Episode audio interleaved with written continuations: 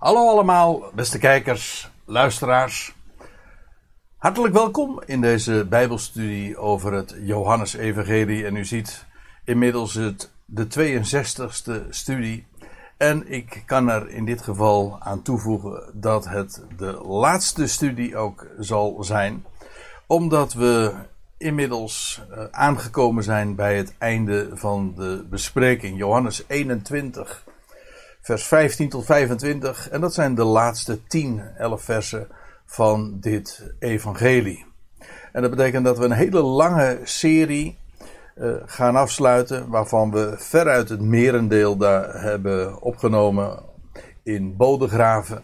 En door alle coronatoestanden is dat de laatste paar keren, een keer of zes, zeven schat ik, is daar niet van gekomen. En heb ik het hier vanuit de studeerkamer moeten doen. Ik moet er uh, trouwens nog even iets bij zeggen. En dat is dat ik op dit moment nog niet kan melden waar we de volgende serie over gaan starten. Er zijn verschillende opties die ik in mijn hoofd heb. En ik heb ook al wat suggesties gekregen. En ik ben nog aan het wegen en aan het overwegen. En TZT over drie weken uh, weet ik wellicht meer. Ik kan daar dus op dit moment nog even niks over zeggen. Maar dat komt eh, vast en zeker goed. En er zijn nog plenty onderwerpen die vragen om bespreking. En de vraag is eigenlijk vooral, tenminste voor mijzelf, wat is het meest urgent? Wat verdient het meeste voorrang nu in de, ja, in de, onder de gegeven omstandigheden? Vanavond wil ik het hebben over, uh, zoals gezegd, de laatste 10, 11 versen van Johannes 21. En ik heb het genoemd het herstel van Petrus. En tevens ook het slotwoord in, uh, van het uh, Johannes-evangelie. En laat ik nog eventjes terugblikken op wat we tot dusver hebben gezien. En vooral ook wat we de vorige keer hebben gezien. Johannes 21 in zijn geheel is te beschouwen als een aanhangsel, een appendix. Uh, om een heel eenvoudige reden. Om, dat is omdat we de afsluiting van het evangelie vinden in hoofdstuk 20. In de laatste verse van dat hoofdstuk. En daar, daar zien we gewoon dat Johannes in feite zijn boek, zijn hele beschrijving, zijn relaas afsluit. En dan volgt alsnog het, de beschrijving die we dus in hoofdstuk 21 aantreffen. Maar ook dat wordt dan weer afgesloten met een. Uh, in, in vers 24 en 25, wat we straks dus zullen zien. Uh, opnieuw weer uh, wordt dat afgesloten. Je zou dus ook kunnen zeggen dat Johannes 21 een parenthese is, een tussenzin, een, een tussenvoegsel. namelijk, of een onderbreking van het slot. Johannes het evangelie naar Johannes wordt afgesloten en de afsluiting zelf wordt onderbroken. En de onderbreking, ja, dat is dan de geschiedenis die we vinden daar aan het meer van Galilea. En dan is het een, een parenthese. En dat is niet alleen maar een, een soort van literaire aanduiding om even het, uh, het, de beschrijving in uh, te beschouwen. Neem me niet kwalijk. Uh, dat is niet alleen maar om het uh, in, een, uh, in een literair perspectief te plaatsen. Het is namelijk ook typologisch van, van belang. Omdat we. Omdat, ik, dat heb ik vooral de vorige keer ook laten zien. Dat is dat we in hoofdstuk 21 ook in feite de huidige tussentijd beschreven vinden.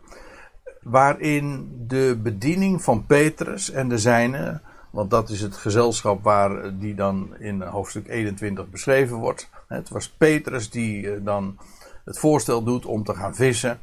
En uh, met een aantal anderen. En ja, zonder succes. Gedurende de hele nacht vangen ze niks. En dan in de vroege ochtend treffen ze daar die man die ze niet kennen. Aan, de, aan de oever.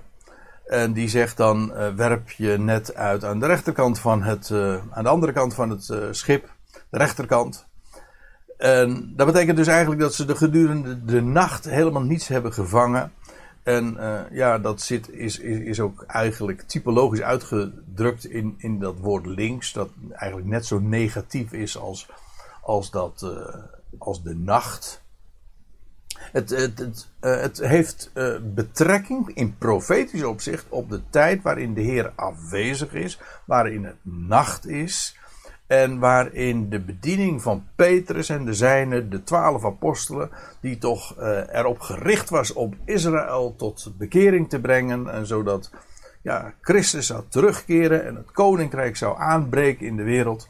Wel, daar, is het allemaal niet van gekomen. In die zin was het dus een hele onvruchtbare tijd. Er werd niets gevangen. En ja, dat wordt allemaal anders dan als de nacht voorbij is en, en in de ochtend de Heer verschijnt aan het strand. Het strand dat trouwens in het algemeen ook een uitbeelding is van eh, het volk Israël. Was, zou het eh, nageslag van Abraham immers niet zijn als het zand aan de oever van de zee. Dat is een prachtig beeld trouwens. Want ja, hoe is het met het, het strand? dat, uh, dat is niks anders dan dat wat uh, het, uh, het, zand dat is aangespoeld vanuit de zee en dat is dan die strook. Wel, dat is eigenlijk wat er met Israël ook gaat gebeuren. Ze worden door de volkeren, de natieën, de volkerenzee, spoelen ze aan en zo komen zij aan het land, of, of, zullen ze ehm, terechtkomen in het land. Ah, afijn, dat, zou, dat voert te ver. In ieder geval, de Heer verschijnt dus daar in de ochtend aan het strand. Ja, en dat maakt alles anders. En het blijkt dan vanaf dan ook een enorme rijke vangst te zijn: 153 vissen. En dat had alles te maken met, dat, met het nieuwe leven. Zoals ik de vorige keer ook heb laten zien. En de maaltijd die daar dan op aansluitend wordt uh, gehouden, uh, dat is dan tevens, het is niet alleen de afsluiting van dat deel van het verhaal, maar het is tevens de inleiding tot het tweede deel van het verhaal, namelijk waar we het in deze studie over hebben, over Petrus herstel in zijn bediening. Nou, laten we maar eens uh, naar de versen toe gaan. Er staat in vers 15 van Johannes 21, toen zij dan de maaltijd hielden.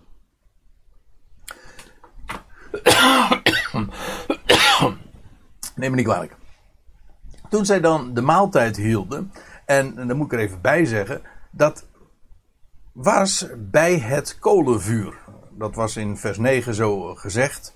En ja, dat is zo markant, want het herinnert uh, die aanduiding, die locatie, bij die gelegenheid herinnert direct aan de plaats waar ooit Petrus zijn Heer verlogende. Zo had Johannes dat in, in hoofdstuk 18, vers 18 ook opgetekend. Toen Petrus tot drie keer toe de Heer uh, verlogende. Dat was bij het kolenvuur. En nu, opnieuw, is daar een maaltijd en dat is bij het kolenvuur. En uh, wel, toen zij dan die maaltijd hielden, zei Jezus tot uh, Simon Petrus: Simon, zoon van Johannes. Precies dezelfde wijze, die, uh, die aanduiding, door hem ook bij de naam van zijn vader te noemen. Johannes, zoon eigenlijk. Of gewoon in dit geval van Johannes. het is zoals we hem ook aantreffen in hoofdstuk 1, vers 43. Uh, in Matthäus 16, daar heet de vader van Petrus Jona, maar Jona en Johannes, dat zijn min of meer gelijke termen. Of nou, nee, dat is niet helemaal waar wat ik nu zeg. Jona heeft te maken met duif. het zou. het is eigenlijk anders. Het is kennelijk een, een, een een tweede naam geweest. Hm, zoals we wel meer mensen in de Bijbel aantreffen, vele mensen zelfs, die een dubbele naam hebben, een bijnaam. Uh, dat is niks geks, dat, kennen wij, dat fenomeen kennen wij ook maar al te goed. En hij was, uh, hij was in ieder geval de zoon van Johannes, oftewel van Jona, Bar Jona. En dan krijgt hij deze vraag: Heb jij mij lief meer dan deze? En ja, die laatste zinsnede, dat herinnert aan de claim die Petrus ooit in de, in de nacht voordat Jezus werd overgeleverd had uh, uitgesproken, juist in de kring van, zijn apostel, van, van de apostelen. En ja, dat was nu ook in de kring waar, uh, waar nu de maaltijd gehouden werd. Uh, te midden van hen had hij gezegd van al zullen alle aanstoot aan u nemen, al zullen alle u verlaten, ik nooit. Ja, en die overmoed, wat hij ooit gezegd had van, uh, zij wel, maar ik, ik zal u nooit, uh, ik zal u niet verlogenen, ik zal u niet verlaten en ik zal geen aanstoot aan u nemen. ja, dat moest nog worden rechtgezet. Kijk, we weten dat de Heer op de dag van zijn opstanding als eerste, tenminste als het gaat om de, de mannen, uh, aan, de, uh, aan vrouwen was hij al eerder verschenen. Maar aan, van de mannen was hij het eerste verschenen aan Simon Petrus. Je leest dat in Lucas 24. Hè, dat als uh, die Emmausgangers dan in de avond Jeruzalem weer bereiken. Dan krijgen ze meteen te horen van. De Heer is waarlijk opgewekt en hij zijn Simon verschenen. Dus de Heer, later lezen we dat ook in de, in de brief van Paulus aan de Corinthiërs dat hij aan Kefas is verschenen. Hoogst persoonlijk. Op de dag van de opstanding. En u moet zich voorstellen, dat was dus drie dagen nadat uh, dat, de heer, uh, dat Petrus zijn Heer had verlogend. Nou, dan is het uh, de Heer die drie dagen later Petrus weer opzoekt. En nu een hele nieuwe situatie en hoe ontzagwekkend moet dat voor Petrus zijn geweest. En daar is alles ook weer rechtgezet. Dat kan niet anders. De Heer verschijnt aan Petrus. Uh, hij had hem, uh, toen de haan kraaide, had, had de Heer, en dat is uh, wellicht het laatste geweest wat hij het, aan persoonlijk contact met Petrus gehad had, dat hij eh, net werd weggeleid daar bij de gerechtszaal vandaan en dat hij Terwijl de haan kraait, draait hij zich om en dan kijkt hij in de ogen van Petrus. En, en Petrus, uh, die realiseert zich in ene keer zo goed wat er is, heeft plaatsgevonden. En, en hoe hij nou ook precies, hoe precies ook vervuld is wat, uh, wat Jezus uh, eerder die nacht had gezegd. En hij, en hij huilde jammerlijk, staat er dan. Nou, uh, een paar dagen later verschijnt de Heer dus aan Petrus en dat is, uh, mogen we aannemen, toen ook meteen rechtgezet. Maar er moest nog iets anders worden rechtgezet en dat is de claim, de overmoed die hij had geuit ten opzichte van zijn medeleerlingen. En dat is nu wat uh, hier ook meteen aan de orde komt. Heb jij mij lief meer dan deze, zoals je eerder hebt ge, ge Zoals je daar eerder aanspraak op maakte, Simon, zoon van Johannes. En dan is het Petrus die tot hem zegt: Ja, Heer, u weet dat ik van u hou. Let er trouwens op dat hier een ander woord gebruikt wordt. Dat is heel lastig in, de, in heel veel vertalingen. Um, komt dat niet uit, uit de verf. In de, in de MBG-vertaling bijvoorbeeld wordt in beide gevallen over liefhebben gesproken. En het is in het Nederlands misschien ook wat lastiger weer te geven, maar in het Grieks uh, is het toch heel onmiskenbaar. Kijk, de Heer had gevraagd van, heb jij mij lief? En dan wordt het woordje agape gebruikt. En agape, dat is onvoorwaardelijke liefde. Uh, zoals een ouder liefde heeft voor uh, het kind. Niet op basis van, van sympathie of van schoonheid of van prestaties. Nee, een ouder houdt van het kind omdat het zijn of haar kind is. Daarom. En dat kan nooit ongedaan gemaakt worden. Kijk, dat is onvoorwaardelijke liefde. En, maar eh, er is ook een ander woord voor eh, liefde in het Grieks. En dat is, ja, er zijn meerdere woorden. Ook nog het woordje eros. En dat heeft dan meer te maken, zoals wij dat herkennen in het woordje erotiek, namelijk met lichamelijke aantrekkingskracht. Maar het woord wat hier gebruikt wordt, dat is filio. Uh, sorry. Uh, dat wij ook trouwens wel kennen. Uh, er zijn heel veel woorden die met filie in het Nederlands ook worden weergegeven. En dat komt van dit Griekse woordje filio. En dat heeft iets te maken met, met genegenheid. Je hebt bijvoorbeeld genegenheid voor een vriend. Dat is geen onvoorwaardelijke liefde. Nee, er zijn bepaalde eigenschappen in de ander die, ja, die je trekken naar de ander. Je kunt trouwens ook voor dingen liefde hebben. Hè? Of voor, uh, zelfs voor auto's, eh, voor, voor, ehm, voor, bepaalde activiteiten. Dat is allemaal filio. Dat is een bepaalde genegenheid voor iets. Het is een zwakker woord dan dat woordje AKB. Dus de Heer vraagt: Heb je mij lief meer dan deze? En dan, dan kan hij zo gewoon naar de, het hele gezelschap wijzen. En, en Petrus antwoordt veel bescheidener. Hij zegt: eh, Heer, u weet dat ik van u hou. Dat filio. En het, wat Petrus dan te horen krijgt is: wijd mijn lammeren. Of wijd mijn lammetjes. Staat eigenlijk in een verkleinde vorm nog.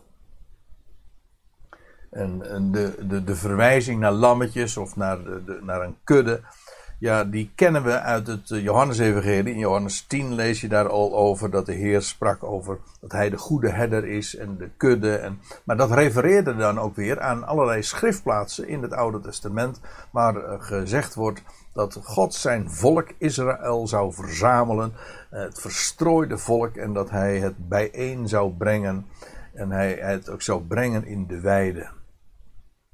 Trouwens, je leest van de herders van Israël uh, daar wordt het verwijt gemaakt dat zij zichzelf wijden. Het ging hen om henzelf. Nou, dan ben je geen goede herder. Een goede herder is die uh, zich inzet voor zijn, zijn schapen en de lammetjes wijdt. Voeding geeft. Nou, dat is wat de, de bediening die Petrus hier krijgt. Wijd mijn lammetjes. Op Petrus waren ook uh, al veel eerder waren allerlei beloftes gegeven. Heel bekend zijn de woorden die we in Matthäus 16 vinden. Dat Petrus de belofte ook krijgt van uh, op deze, uh, op jou, Petrus, en op dat wat jij gesproken hebt, zal ik mijn ecclesia gaan bouwen. Petrus zou, aan hem werden ook de sleutels toevertrouwd van het koninkrijk en hij zou ook de deur openzetten voor allerlei voor allerlei groepen, voor, voor de Joden, voor de Samaritanen trouwens ook. En voor de natieën in Handelingen 10. Petrus krijgt sleutels. En dat heeft niks te maken met uh, het, uh, het uh, klassieke verhaal dat hij daar bij de hemelpoort staat en mensen inlaat en dan wel de deur sluit. Nee, het heeft te maken met het feit dat hij het koninkrijk ontsloten heeft, trouwens ook gesloten heeft voor, ja, voor uh, tal van, uh, van groepen. Hoe dan ook. Uh,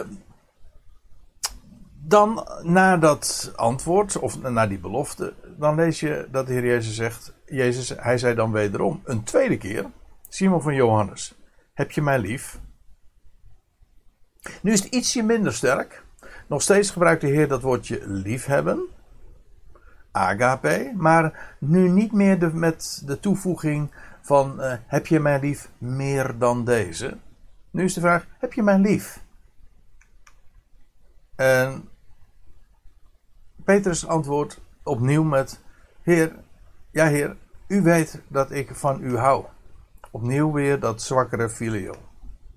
En hij, dus Jezus, die zei tot hem, hoed mijn schapen. En dat hoeden heeft te maken met het, uh, ja, met het, uh, het is afgeleid van het werkwoord, uh, of van, van het woord voor herder, herderen, herder mijn, mijn schapen. Wees als een herder voor mijn schapen. En ik zei al, dat is een verwijzing ook naar Israël. De Heer had ook gezegd van, ik heb nog andere schapen die niet van deze stal zijn. Ook die moet ik weiden of leiden. En het zal worden één kudde, één herder. dat is allemaal gebaseerd op de, op de profetie van, uh, ja, die we in de Hebreeuwse Bijbel aantreffen. En Petrus zou daar een cruciale rol in spelen, omdat Petrus ook de, het evangelie van de besnijdenis kreeg en ook een apostel van de besnijdenis is en zou zijn. Dat, uh, dat is helaas een volstrekt ondergesneeuwde waarheid geworden. En de kerk heeft ervan gemaakt dat hij de, het hoofd van de kerk zou zijn. Wat om, om allerlei andere redenen trouwens ook nog weer uh, een, een, uh, een, enorme misvatting is. Maar het gaat niet om een, om, om, om een wereldkerk. Het gaat om de bediening die Petrus kreeg voor Israël. Voor de besnijdenis. Voor het Joodse volk, zo u wilt. En hij zou hen wijden, hij zou hen hoeden en als een herder voor hen zijn. En dan, uh, na die, die tweede keer, lees je in vers 17: Hij, Jezus, zei tot hem de derde keer. En uiteraard dat getal heeft natuurlijk alles te maken met het feit dat, de heer, dat Petrus ook tot drie keer toe zijn Heer had verlovend. En nu voor de derde keer krijgt hij uh, opnieuw de vraag: Simon van Johannes, hou je van mij? En dit, ja, ik zei al, in de vertaling komt dat uh, helaas niet uit de verf, maar het moet toch echt opgemerkt worden dat hier door Johannes verschillende woorden worden gebruikt. En, want nu, in dit geval, in bij deze derde gelegenheid, sluit Jezus zich aan bij het zwakkere werkwoord dat Petrus telkens gebruikt. Van ik hou van u, dat woordje phileo. En als je die vragen dus op een rijtje zet, dan krijg je echt een afdalende reeks. Dan krijg je eerst de vraag van, heb je me lief, agape, meer dan deze, zoals jij claimde, Petrus. En dan uh, de tweede keer, heb je me lief, dat is wel zwakker uitgedrukt. En bij die derde vraag is, is het, uh, dan sluit de Heer zich aan bij het, het werkwoord dat Petrus gebruikte. En nou is de vraag, uh, hou je wel van me? En nu is zelfs het woordje liefde vervangen door dat houden van, of door dat woordje filio of genegenheid. Het gaat even om, om het onderscheid tussen die woorden. En hoe je dat plot, uh, met welk woord je dat weergeeft, dat, dat is nu even niet mijn punt. Het gaat erom, er is verschil. En je ziet dan ook duidelijk dat er een, een ja, dat, het is een afdaling. En het is eigenlijk ook met recht een, een vernedering. Petrus wordt op deze wijze wel heel erg klein gemaakt. Eerst van, ik, ik, heb, ik heb u niet alleen lief, maar ik heb u meer, ik, ik, uh, ik, ik heb u meer lief dan zij allemaal. En dan, en dan de vraag, uh, en, en nu wordt zelfs betwijfeld: uh, hou je wel van me? Hou je eigenlijk wel van me? En het is ook dan logisch dat Petrus nu bedroefd werd bij de derde keer. Dat de Heer nu vroeg: hou je, van, hou je wel van mij? En met andere woorden, het feit dat de Heer daar zo aan publiek een vraagteken bij zet, dat is uh, ook om Petrus bewust te maken van wat hij uh, van zichzelf is. Hij had natuurlijk heel wat uh, geclaimd en ge, gepretendeerd van wat hij zou doen. En dan is het de Heer die hem eigenlijk op zijn nummer zet en zegt van Petrus, verbeeld je nou maar niks. Aan je goede bedoelingen zal het niet ontbreken. Maar weet je nog, korte tijd terug wat je gedaan hebt. En zo wordt Petrus inderdaad heel klein gemaakt. En nu zegt de Heer iets anders tegen hem. Uh, nee, wacht even. Eerst, eh, pardon. Eerst nog uh, dat, uh, het antwoord van Petrus. En hij, dat hij tot Jezus dan zegt: Heer, u weet alle dingen. U weet dat ik van u hou. En, en nu zijn echt alle pretenties verdwenen. En nu is het ook niet meer van uh, ik heb het laten zien. Nee, uh, misschien is het niet uit de verf gekomen. Maar u weet niet dat ik u lief heb, maar dat ik van u hou. En nu gebruikt hij dat hele bescheidene opnieuw weer. En hij zegt van, u weet het. En, en dat moet dan maar genoeg zijn. En nu, en nu is hij ook zo klein. En nu kan hij ook, als hij het dan niet meer van zichzelf verwacht. En nu is hij daar zo van bewust geworden. En uh, op, ja, van bewust gemaakt ook, zo in het bijzijn van de anderen. Dat, dat hij deze bediening nu ook van, van de Heer ontvangt. En zegt, wijd mijn schapen. Min of meer eh, ja, drie keer diezelfde belofte, diezelfde missie, diezelfde opgave uh, van wijd mijn schapen. Of eerst wijd mijn lammeren, dan hoed mijn schapen en nu ook wijd mijn schapen.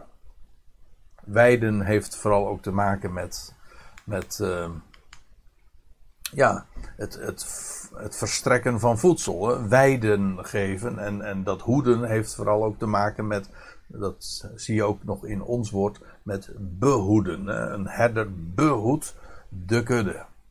En, en beide, ja, dat, dat ligt allemaal besloten in, die, in de taak van een herder. Het, het verstrekken van weiden, zodat er gegeten kan worden, zodat ze gevoed worden, maar ook dat ze behoed worden. En dat allemaal heeft te maken met de taak die Petrus uh, wordt hier uh, ja, in het bijzijn van alle anderen wordt toevertrouwd. En dan zegt de Heer nog iets tegen hem. Amen, amen. Voorwaar, voorwaar. Ik zeg je, toen je jonger was, toen omgorde jij je en je wandelde waar je ook maar heen wilde. Petrus was een man uh, altijd die het initiatief nam. En, en hij ging heen waar hij wil. En hij was een voorman. Hij was trouwens ook de, de ja, altijd de haantje, de voorste. En dat woordje haantje is in dit geval natuurlijk ook nog eens uh, dubbelzinnig in verband met Petrus. Maar hij ja, zo'n man was het. Hij omgorde zich, hij wandelde en hij ging overal waarheen hij maar wilde. Dat was uh, toen je, zoals het ging zoals je, toen je jonger was, uh, Petrus, zegt de Heer nu tegen hem. Maar wanneer je eenmaal vergrijst, wanneer je eenmaal ouder wordt, ja, zo staat het in de MBG-vertaling ook. Wanneer je een veteraan bent, een ouder iemand geworden bent, eh, dan zul je je handen uitstrekken en een ander zal je omgorden. Dus je was een man van eigen initiatief. En straks, er komt een moment, als je eenmaal oud bent, dan zal je je handen uitstrekken en, en, en zal je niet meer omgorden, maar een ander zal je omgorden. En in dit geval ook gevangen nemen. En bovendien dan ook brengen waarheen jij, je niet, waarheen jij niet wil. En met andere woorden, uh, je zal worden gevangen genomen worden. Uh, boeien geboeid worden, je handen in de boeien geslagen worden. En je zal gebracht worden op een plaats waar jij niet wil. Jij zal worden terechtgesteld. Dat weet ik, dat dat de betekenis is. Want het staat er namelijk pal achter. In vers 19. Dit zeide hij nu, Jezus, om aan te duiden met welke dood hij, Petrus, God zou verheerlijken. Dus ja, hij zou eenmaal gevangen genomen worden, omgord worden en gebracht worden naar een plaats. En dat, en dat duidt uh, op zijn terechtstelling. In de traditie maar dat is uh, buiten bijbels. En ik doe geen uitspraak over de betrouwbaarheid daarvan, maar ik steek mijn hand er niet voor in het vuur. Uh, is het zo dat Petrus ook inderdaad uh, gekruisigd is. Als, in ieder geval als martelaar ehm, is, is omgekomen. En ehm, het, het, is ook trouwens bekend dat hij. Ehm, of in ieder geval, het is bekend dat verhaal doet de dat hij in vermoedelijk zo rond vier, het jaar 64 van onze jaartelling in Rome is omgebracht en uh, gekruisigd. En, maar uh, omgekeerd gekruisigd. Een, een afschuwelijke dood. Maar juist in zijn dood, door zo te sterven, zou hij God verheerlijken. En Petrus wist dat trouwens. Petrus eh, later, uh, dan als Petrus zijn laatste brief schrijft, de, de, de tweede Petrusbrief, dan, dan, schrijft hij ook, uh, nou ja, laat ik het even lezen. Ik, het is vers 14 als ik me niet vergis. Want ik weet, dat, dat schrijft Petrus dan, het is aan het eind van zijn leven, hem staat nog het een en ander te doen, namelijk ook het, uh, het samenbrengen van de boeken, en, zodat na zijn heen gaan men zou kunnen blijven denken aan, aan de woorden van de Heer. En Petrus had daarin een grote taak ook om de schriften ja, te kanoniseren, zoals dat, zoals dat met een mooi woord heet. Om ze allemaal bij elkaar te brengen. En samen met Johannes denk ik dat hij dat gedaan heeft. En Paulus al eerder. Nou ja, dat is een haal verhaal apart. Maar in ieder geval de apostelen die hebben zich daarin beijverd. En Petrus zegt ook, hij zegt, ik, ik, ik moet dat nu nog doen. Hij zegt, want ik weet dat het afleggen van mijn tent dat wil zeggen mijn lichaam, dit tijdelijke verblijf, spoedig komt. Petrus wist dat hij zijn tent zou moeten afleggen. Uh, om een heel eenvoudige reden, namelijk hij zegt, uh, onze Heer Jezus Christus heeft mij dat doen weten. En dat is dus uh, ja, tientallen jaren eerder was al door Jezus gezegd van er komt een moment, Petrus, dat je je handen in de boeien geslagen zal worden. En dat je ja, gebracht zal worden naar een plaats die jij niet wil. Je zal terechtgesteld worden. En dat zal zijn als je vergrijst. Uh, eenmaal vergrijsd bent. Dus als een, een oudere man bent geworden.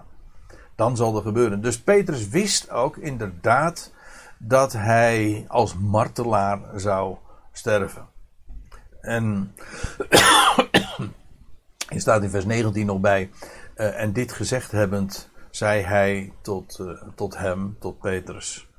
Terwijl, terwijl de Heer dit zojuist had uh, gezegd van hoe hij aan zijn eind zou komen. En hoe hij juist in zijn levenseinde God zou verheerlijken. Hij zegt, uh, volg mij.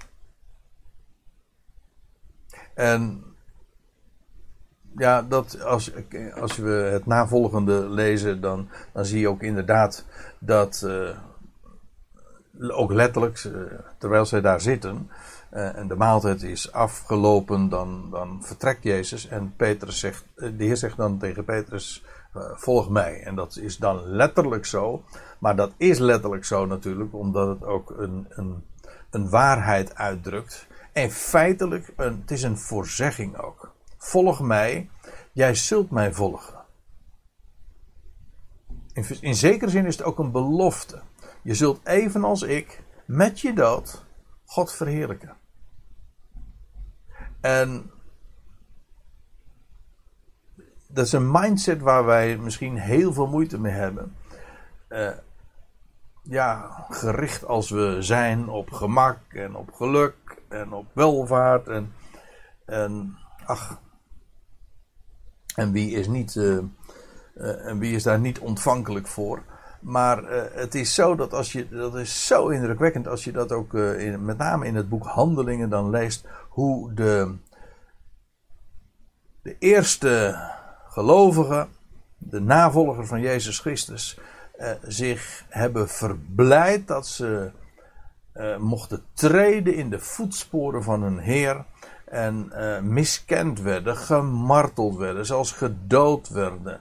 En, en ze, men beschouwde het als inderdaad als een eer om voor zijn naam te leiden. Ook van Paulus lees je dat ja, diverse keren dat hij ja, daar, daartoe waardig geacht is en dat hij dat mocht doen. En dat is een geweldige manier waarop daar, uh, zoals dat beschreven wordt, en beleefd werd door die mensen. En ja, als de Heer iets met jou doet, dat is. En, en als je inderdaad dan leidt om zijn naams wil, dat kun je zeggen van dat is een last. Ja, maar dat is ook een voorrecht. Om in zijn weg te gaan. En in zijn weg ook te treden zoals hij dat gedaan heeft, dat jij dat ook mag doen. Een, en, en daarmee is het dus ook met recht een, een God verheerlijken daarin. Ik denk dat we uh, ook daarin door het woord uh, veranderen in ons denken. Om op een heel andere wijze tegen deze wereld en ons eigen leven aan te kijken. wij vinden dit allemaal zo belangrijk. En begrijp me goed, ik zeg. Het, het, zou gemakkelijk kunnen overkomen alsof ik alsof ik daar iets, iets in pretendeer. Ik, ik, zo bedoel ik het niet. Ik bedoel dit te zeggen dat het zo, zo verbazingwekkend is, zoals je dat in het Nieuwe Testament leest, dat, dat men uh, het als een voorrecht beschouwt om voor hem te lijden. En dan, dan, ik merk gewoon aan alles hoe dat strijdt met het hele denken, uh, zo, ja, zoals wij dat gewoon zijn te doen. En, en, hoe het woord juist hierin ons een totaal ander perspectief geeft. En ik geloof ook van binnenuit verandert. Dat is niet iets, dat is geen mensenwerk. Dit is wat hij in ons uh, uitwerkt. En nou ja, hoe dan ook, uh, Petrus die krijgt hier te horen van volg mij. Wat niet alleen maar een opgave is, maar ook, ook een belofte. Nou, en dan lees je in vers 20, Petrus die die keert zich dan om. En hij zag de discipel volgen die, die Jezus lief had. Je moet zich voorstellen, Petrus die krijgt van de Heer te horen van volg mij. Nou, dan, dan volgt Petrus uh, Jezus inderdaad die daar de plaats verlaat, daar bij dat kampvuur. En vervolgens gaan ze vertrekt eh, vertrek Petrus samen met de Heer. En dan kijkt hij om en dan loopt Johannes. Die, die altijd trouwens met Petrus liep. dat, die twee waren heel erg close. Dan ziet hij, als, terwijl Petrus omkijkt, ziet hij Johannes achter zich. Petrus keerde zich om en hij zag de discipel volgen die Jezus lief had. En ja, we, ik wijs er hier nog een keer in deze PowerPoint op dat uh, Petrus en Johannes, dat tweetal, wordt zo vaak samen uh, genoemd. Ze trekken samen op. Uh, we hadden dat trouwens ook al gelezen in, hoofd, in, in hoofdstuk 20 ook. Dat ze samen ooit in de vroege ochtend naar het graf gaan. En dat dan ook leeg aantreffen. Nou ja, bijna leeg. In ieder geval, de Heer was daar niet. Uh, trouwens, in ditzelfde hoofdstuk lees je ook nog weer dat, dat uh, die, die korte conversatie. Dat dan Petrus, dat Johannes zegt van het is de Heer. En dat Petrus daar dan meteen onmiddellijk op reageert en uit de, en uit de boot springt. Hij zag de discipel volgen die Jezus lief had. En uh, ja, dat is die uh, standaard aanduiding van de uh, zoals de schrijver zich neerzet. De discipel dien Jezus lief had. Hij, niet die Jezus lief had, Jezus, niet Johannes die Jezus lief had, maar die geliefd werd. Wat trouwens ook hieruit blijkt, vers 20, die ook, die, dat is diezelfde discipel die ook in de avondmaaltijd aanleunde aan zijn borst. Dat wil zeggen, ze lagen daaraan en, en, en Johannes als de vertrouweling van Jezus, die, die lag zo pal naast uh, Jezus. En daar staan ze, misschien mag ik daar toch eventjes in dit verband ook op wijzen. Ik vind het namelijk heel opmerkelijk. Dat Johannes die treedt volledig, ook als schrijver, op de achtergrond. Hij noemt zich ook niet, hij beschrijft zichzelf ook niet in de eerste persoon als ik, maar altijd cryptisch. Hij treedt op de achtergrond. Hij praat ook niet over zijn liefde voor Jezus. Zoals Petrus dat had gedaan. Hè? Heel in overmoed van, al zullen alle u van, ik niet. En, maar dat was de liefde van hem, of de liefde die hij meende te hebben voor Jezus. En ach, wat is dat? Elke claim daarop uh, is, is te veel. Dat is. Uh, als, daar, als dat getest wordt, en een man als Petrus, die, dat was een zeer energieke man, impulsief. Ja, maar uh, er hoeft maar dit te gebeuren en daar blijft niks van over. Dat is mensenwerk. Maar waar Johannes het over heeft, is niet over, zijn liefde voor, voor de Heer. Maar hij heeft het stevast over de liefde van de Heer voor hem. Dat was voor hem karakteristiek. Niet dat hij de Heer lief had, maar dat hij geliefd werd. Er is zo'n lied dat. Uh, uh, in, een, in de opwekkingsbundel staat het, als ik me niet vergis, maar in ieder geval, het is een bekend christelijk lied van Ik heb van u gehouden. Zo gaat het. Sorry. Ik heb van u gehouden. Uh, zo gaat dat refrein dan. Uh, maar nooit zoveel als, als nu. Uh, en uh, iedere keer keert dat dan terug. En ik heb altijd veel moeite met, met die tekst. Omdat, omdat daarin precies diezelfde sfeer wordt opgeroepen als die ook in de claim van, van Petrus zit. Van, ja, ik heb, ik, ik, ik, ik heb van u gehouden. En zelfs meer dan zij.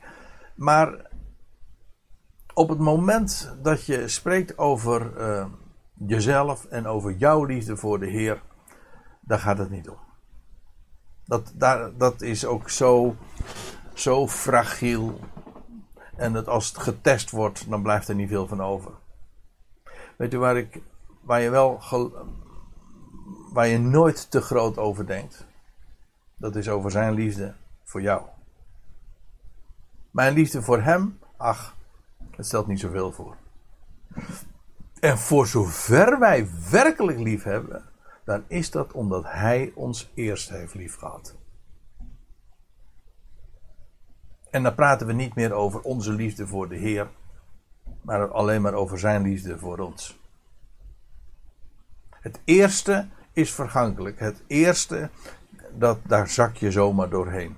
Maar Zijn liefde voor ons, dat is een constante. Daar kun je altijd van op aan. Dat is ook de eerste liefde. Dat heeft trouwens, uh, dat is in het boek Openbaring, uh, dan lees je dat. Hè? Ik heb, u, dit heb ik tegen jullie, daar wordt het dan tegen de Ecclesia in Efeze gezegd, dat jullie je eerste liefde hebben verlaten. Die eerste liefde, dat is, dat is niet de liefde die we ooit eerst hadden in het begin. Nee, die eerste liefde, dat is de liefde uh, die Hij heeft. Wij hebben lief omdat Hij ons eerst heeft lief gehad. De eerste liefde, dat is de liefde van Hem voor ons. En ja, als je dat verlaat, ja, dan, wat blijft er dan over? Dan, ja, dan blijft er nog maar één, één ding over. En dat is jouw liefde dan voor Hem. Nou, dat stelt niks voor. Ja. Uh, dat zijn de verhoudingen waarin de Heer daar, uh, waarin de Bijbel daarover spreekt. En ware nederigheid is ook niet, zoals ik iemand dat eens hoorde zeggen, en dat maakte indruk op mij.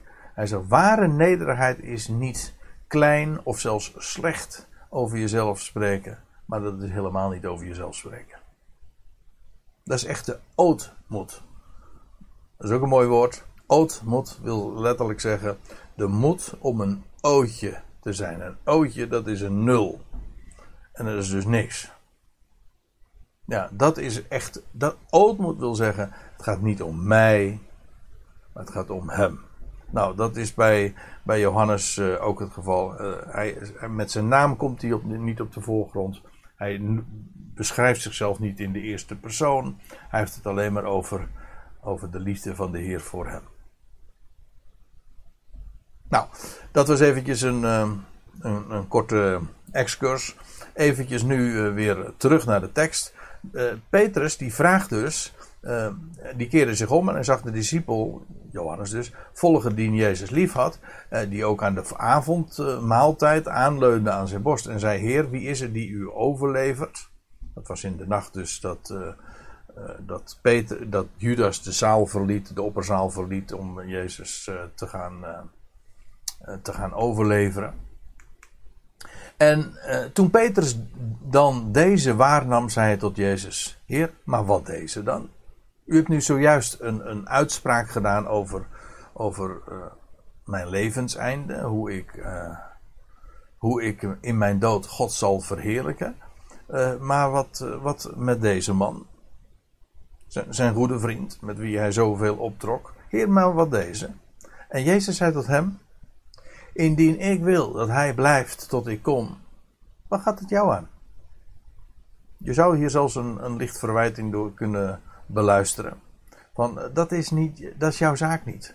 Volg jij mij? En de nadruk ligt dan trouwens inderdaad op dat jij, u ziet dat in de interlineair ook. Hè, nou, eerst gaat het, uh, wordt het woordje jij gebruikt. Jij, volg mij. En nog eventjes uh, die andere uitspraak. Hè, indien ik wil dat hij blijft tot ik kom. En hier, zit iets, iets bijzonders in. Want in zekere zin is dat ook daadwerkelijk gebeurd. Ik zeg in zekere zin. Want ik weet ook wel dat Johannes is gestorven. Maar aan de andere kant, Johannes die heeft inderdaad de openbaring van Jezus Christus in zijn leven meegemaakt. Ik vermoed dat dat nog voor het jaar 70 is geweest, maar dat doet nu eigenlijk niet de zaken. Andere mensen zeggen dat dat uh, veel later is geweest. Maar uh, ik steek mijn nek nu even niet uit om, om uh, daaraan te. Om, om daarover uit te wijden. Het gaat erom dat Johannes die heeft de openbaring van Jezus Christus meegemaakt en hij is ook verplaatst in de dag van de Heer. En hij heeft het allemaal gezien. En de, de terugkeer van Jezus Christus, ja, heeft hij uh, in die zin dus ook meegemaakt. Dus het, het feit dat, dat, dat deze suggestie zo gewekt wordt, indien ik wil dat hij, ik blijf, dat hij, uh, dat hij blijft tot die komt. Kijk, jij zal God Pet, jij Petrus, jij zal sterven. En, met, en in je dood God verheerlijken. Maar uh, als ik wil dat hij blijft tot ik kom, wat gaat het jou aan? Maar waarom wordt die suggestie zo gewekt? Zegt, zegt de Heer hier nu dat hij zal blijven totdat hij komt? Uh, nee, dat zullen we ook in de navolgende versen zien. Maar op een of andere wijze wordt er wel een, een, een, link tussen Johannes en, en de terugkeer van de Heer gelegd, gesuggereerd.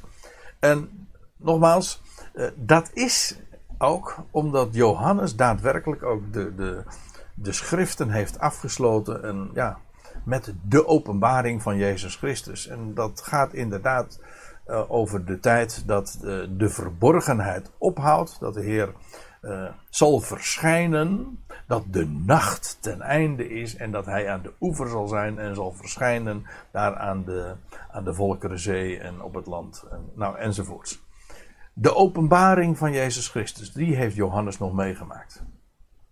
Nou, en dan staat er nog iets in vers 23. Dit woord dan ging uit onder de broeders. Dat die discipel, Johannes dus, niet zou sterven. Dus uh, dat eh, betekent. Dat, dat, is, dat is heel interessant. Want het geeft aan dat lange tijd de broeders, de, de, de geloofsgemeenschap zal ik maar zeggen, uh, de overtuiging heeft gehad dat de wederkomst, zoals wij dat dan noemen, de terugkeer van de Heer, de parousia, dat die in die generatie zou plaatsvinden. En Johannes zou dat dan nog uh, gaan meemaken tijdens zijn leven. Dus ja, binnen één generatie zou uh, het koninkrijk openbaar worden. Dat was de overtuiging. En onder de broeders uh, ging dat woord dan ook uit. dat inderdaad Johannes niet zou sterven, maar dat zou meemaken. Meteen wordt dit ook gecorrigeerd eh, met eh, het feit dat, dat Jezus niet zei. Nou, laat ik het voorlezen. Maar Jezus zei niet tot hem dat hij niet zou sterven, maar indien ik wil dat hij blijft tot ik kom. Wat gaat het jou aan? En daarmee is ook gezegd dat de Heer dus helemaal niet zijn belofte verbroken heeft. Maar het, het maakt wel een paar dingen duidelijk. En dat is dat er, zoals gezegd, er een, uh, uh, de suggestie ligt dat op een of andere wijze Johannes wel de openbaring van Jezus Christus in zijn leven heeft meegemaakt. Dat klopt ook. En er blijkt ook uit dat uh, in de dagen van het boek Handelingen, zal ik maar zeggen, in die dagen nadat de Heer het aardse toneel had verlaten en, en de zijnen erop uit zijn gestuurd, dat uh, daar sterk die verwachting was dat het in die dagen zou gebeuren. In het boek Handelingen is dat onmiskenbaar ook. En het is pas aan het einde van het boek De Handelingen dat uh, middels de bediening van de apostel Paulus wel duidelijk wordt dat, uh, ja, dat, Israël niet zich, dat Israël niet zich zou bekeren. daarop was eigenlijk de bediening van de twaalf helemaal gericht. En met name die van Petrus, want hij was de woordvoerder daarin toch ook. Uh, heel sterk was daar die overtuiging van dat gaat in onze dagen gebeuren. En Johannes, ja, gaat dat nog meemaken. Zo, die, die mindset was daar. Zodat we hier in dit uh, 23e vers en, uh, en ja, in deze. Zo in het slot van Johannes 21 krijgen we eigenlijk ook een inkijkje in, ja, in, in de verwachtingen die men had uh, ja, in die eerste eeuw. Een beetje vergelijkbaar, zal ik maar zeggen, met de verwachting uh, die wij nu twintig eeuwen later hebben. En uh, je zou natuurlijk daaruit heel ook de conclusie kunnen trekken van ja, toen dachten ze dat ook, dat ze dat zouden meemaken in die dagen. En, en nu denken we dat zeker weer. Ja, maar het gaat toch een keertje gebeuren. En uh, ik denk dat er hele goede redenen zijn waarom het nu daadwerkelijk inderdaad gaat gebeuren na twee millennia. Maar goed, dat is nu verder niet het onderwerp. Uh, hoe boeiend en interessant dat ook uh, verder is. Nou, en dan komen we bij de laatste twee versen van dit uh, van dit evangelie, van, deze, van dit boek. En deze twee versen zijn een soort appendix uh, die Johannes uh, niet meer zelf heeft opgetekend. Hij was nog wel in leven, want dan staat erbij: dit is de discipel die Jezus lief had. Dit is de discipel die getuigt omtrent deze dingen. Getuigd staat trouwens in de tegenwoordige tijd. En dus de Johannes, eh, de, de discipel die getuigt, eh, die is getuigende, zou je het eigenlijk moeten zeggen, die aan het getuigen is. En dat is in de tegenwoordige tijd. Dat betekent dus dat terwijl dit, toen dit opgetekend werd, uh, was Johannes nog in leven. Maar hij heeft deze dingen niet meer opgeschreven. Dat wil zeggen, deze laatste versen. Eh, het, het eh, boek dat nu afgesloten is, dat heeft hij zelf geschreven. Staat er ook. Dit is de discipel die, die aan het getuigen is omtrent deze dingen. En die deze dingen schreef. Dat wil zeggen, eh, het voorgaande, dat is allemaal opgetekend door deze discipel zelf. Johannes heeft dit allemaal zelf opgetekend. Maar nu komt het. En wij weten dat zijn getuigenis waar is. En daaruit blijkt dat Johannes aan de ene kant het voorgaande heeft geschreven. En tegelijkertijd dat dit nu is opgetekend door anderen ja, die uh, zich verder niet uh, bekend maken. Maar wel zijn, zijn getuigenis bevestigen. Wij weten dat zijn getuigenis waar is. Ja, dit is dus een naschrift ja, van intimi, van mensen die niet alleen maar kunnen bevestigen dat, dat het waar is wat Johannes heeft opgetekend. Dus dit is een soort. Johannes heeft zijn boek geschreven. En als een soort van nawoord uh, is dit uh, opgetekend door uh, mensen die Johannes kennen. En ook nog tijdens zijn leven, dus dit als, als naschrift, als een postscriptum hebben toegevoegd aan, aan dat evangelie wat hij heeft geschreven. Wij weten dat zijn getuigenis waar is. Daar is nogal wat om te doen geweest wie, dit, wie deze wij zijn geweest. Ja, het zijn het zijn mensen die dus erg uh, goed op de hoogte waren van Johannes. En, en ook bevestigen konden dat het waar was wat hij allemaal getuigd heeft. Maar, uh, nou ja, het zou te ver voeren om uh, de verschillende suggesties die daarover gedaan zijn. Uh, nu verder uit de, de, doeken te doen. misschien dat ik daar nog eens wat wijzer zelf over word. Want tot dusver heb ik nog niet echt een conclusie daarover kunnen, daaruit kunnen trekken. Ik, ik, laat dat e-, even in het midden. In ieder geval, één ding is duidelijk. Uh, de mensen die dit uh, hebben geschreven als een postscriptum, die, die kennen Johannes en die bevestigen zijn getuigenis. Er zijn echter nog vele andere dingen die Jezus deed. Dit is het laatste vers dan van, zoals het boek afgesloten wordt. Er zijn echter nog vele andere dingen die Jezus deed. Met andere woorden, dit boek is een selectie van de dingen die hij deed. Allemaal gegroepeerd rond een aantal tekenen. 7 plus 1 teken. nou, die structuur, daar hebben we in de, begin, uh, in begintijd uh, wel eens uh, meerdere keren zelfs uh, aandacht aan gegeven. Het is dus niet zomaar een willekeurige selectie. Het is heel, heel specifiek ook met een bepaalde bedoeling geschreven. En, en de, de, de dingen die Jezus gedaan heeft en gesproken heeft, die uh, Johannes geselecteerd heeft, ja, die moesten allemaal voldoen aan het oogmerk dat uh, hij had. maar hij claimt daarin geen volledigheid. Integendeel, er zijn nog vele andere dingen die Jezus deed. Indien deze één voor één beschreven zouden worden, schat ik in dat de wereld zelf de geschreven boeken niet zou bevatten. Uh, dit is eigenaardig. Dit is niet Johannes die dit schrijft.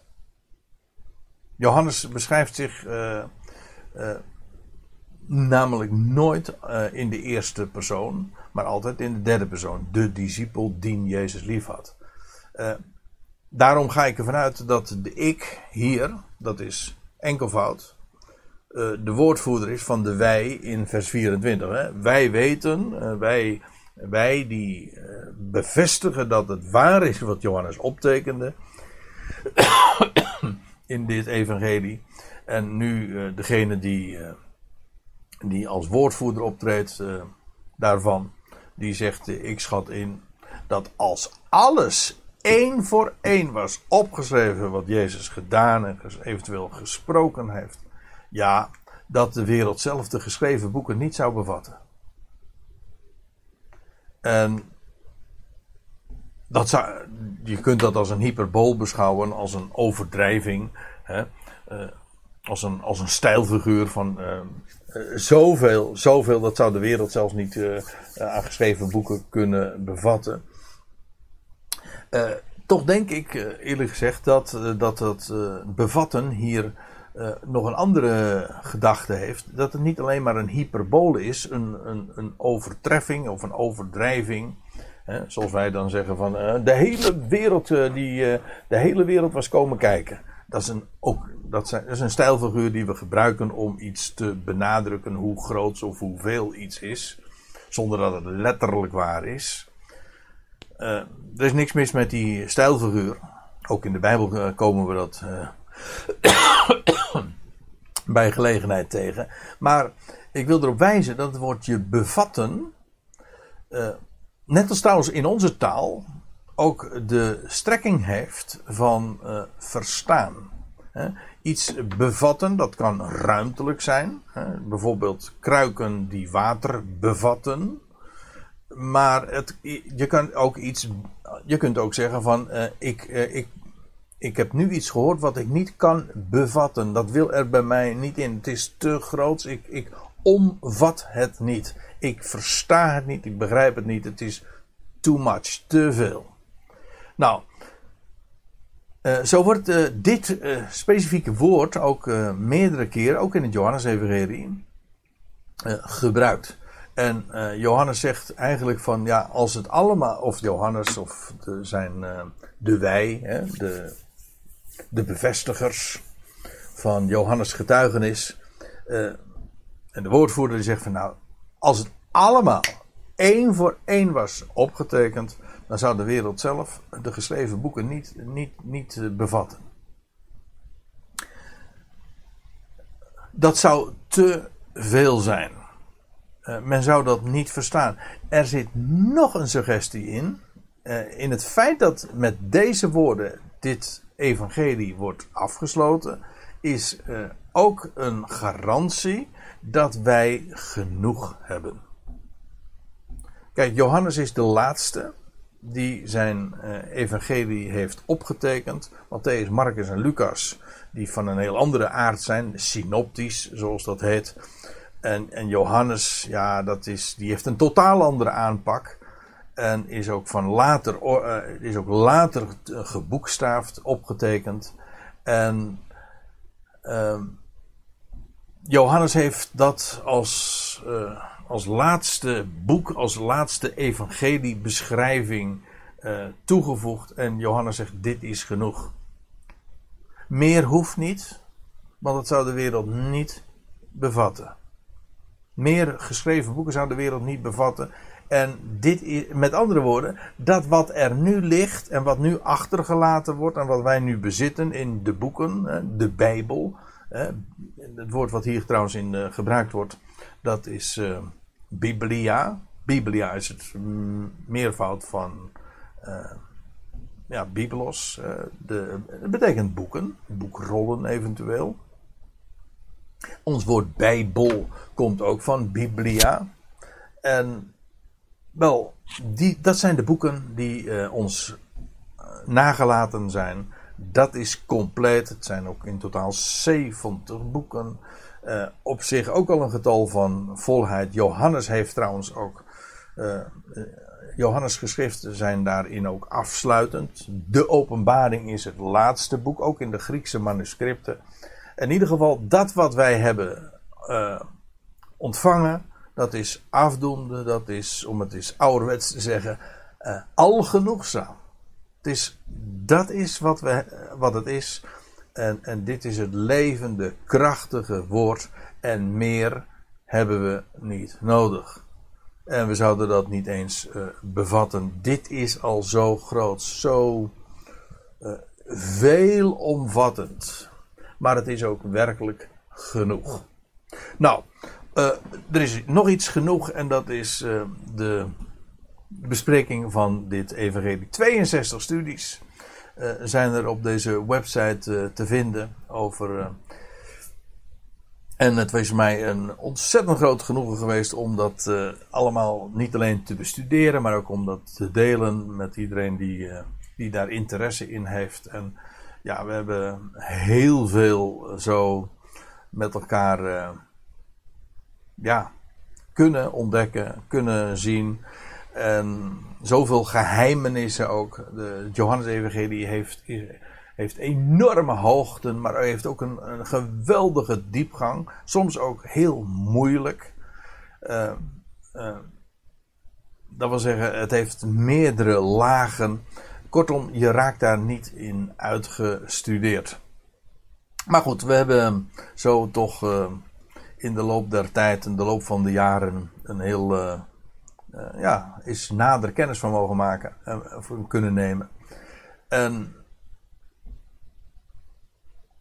wellicht dat ik uh, nog een keertje een, hier op deze dingen terugkom of een, of een samenvatting ga maken. Ik weet nog even nog niet hoe of wat. maar op het Johannes-evangelie komen we zeker nog terug en nog, daar komen we nog over te spreken. Ik wilde het graag hierbij laten en ik zou zeggen, beste kijker, luisteraar, hartelijk dank voor uh, de attentie en de aandacht. En uh, al het goede en tot een volgende keer.